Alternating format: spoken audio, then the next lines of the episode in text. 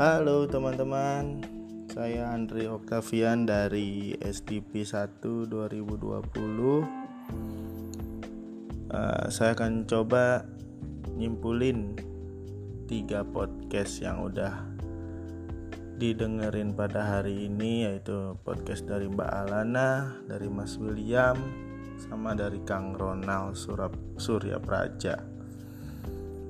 Jadi hal yang bisa saya simpulkan itu adalah pertama itu modal utama untuk hmm, bisa berpikir kritis adalah selalu bertanya mengapa. Jadi menurut saya jadilah layaknya anak kecil yang penasaran tentang sesuatu yang baru dilihatnya. Jadi anak kecil itu kan selalu bertanya, "Kenapa kayak gini? Kenapa kayak gitu?"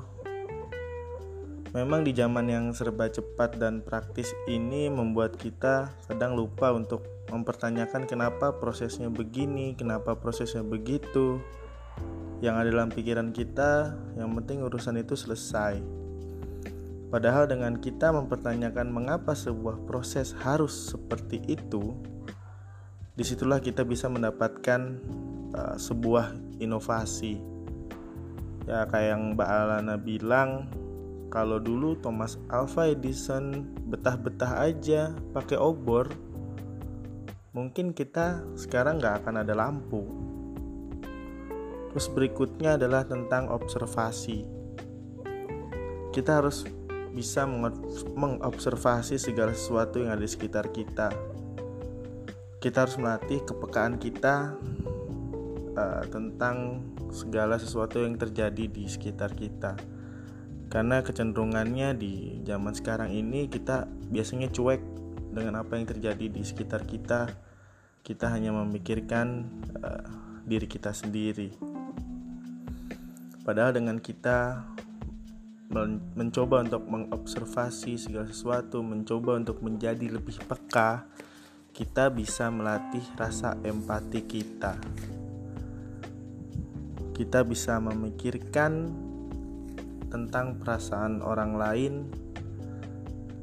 bagaimana mereka ingin diperlakukan, bagaimana kita bisa lebih merasakan apa yang orang lain rasakan. Jadi berpikir dari sisi orang lain, jangan selalu berpikir dari sisi kita sendiri.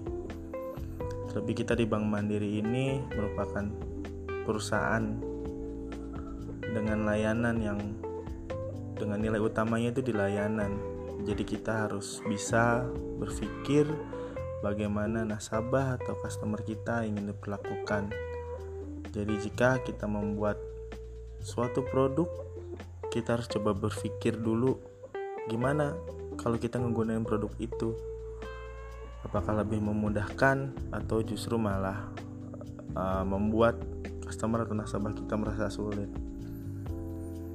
Berikutnya adalah tentang keberanian mengeksekusi ide-ide yang ada dalam pikiran kita. Selama ini kita pasti takut salah jika kita ingin mengeksekusi ide-ide kita. Padahal rasa takut salah itu merupakan ciri-ciri orang yang memiliki fixed mindset. Di era sekarang ini, justru orang-orang yang dibutuhkan itu adalah orang-orang yang memiliki growth mindset orang-orang yang berpikiran kesalahan itu merupakan suatu proses untuk mencapai keberhasilan. Lalu kita harus melakukan segala sesuatunya, segala pekerjaan kita itu dengan menggunakan hati, kerja pakai hati. Karena dengan kerja pakai hati, pekerjaan itu tidak akan menjadi beban untuk kita jika pekerjaan itu sudah tidak menjadi beban, kita bisa dengan mudah menuntaskan pekerjaan itu dan kita pun bisa lebih ikhlas dalam mengerjakan pekerjaan itu. Seperti yang Kang Ronald bilang, ada empat step dalam melakukan pekerjaan. Yang pertama itu adalah kerja keras. Kita harus kerja keras di awal kita bekerja untuk mencapai sebuah, sebuah tujuan lalu kita harus naikkan level kerja keras itu menjadi kerja cerdas.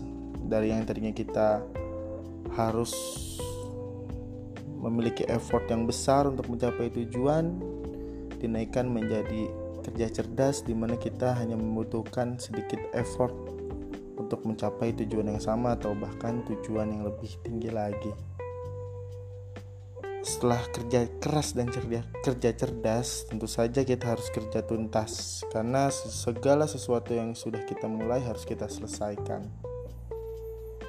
Lalu yang terakhir, tentu saja harus kerja ikhlas. Nah, dari ketiga podcast itu ada satu hal yang menurut saya sama pembahasannya itu tentang arti dari sebuah proses. Karena sekarang ini tidak bisa dipungkiri banyak orang yang hanya melihat keberhasilan dari orang lain itu dari hasilnya. Kita hanya berpikir, wah orang itu enak, sudah bisa punya ini, sudah bisa punya itu, sudah sukses dalam bisnisnya, sudah bisa beli ini, sudah bisa beli itu, tanpa sekalipun kita berpikir proses di mana orang tersebut meraih hal itu.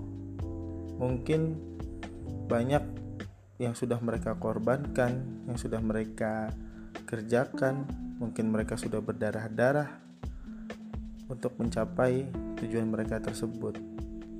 Jadi, mulai sekarang kita harus belajar melihat lebih dalam lagi bagaimana sebuah proses bisa menghasilkan suatu tujuan yang ingin kita capai. Ya, itu aja yang bisa saya sampaikan. Uh, mungkin masih banyak kurangnya. Demikian saya Andre Octavian. Terima kasih.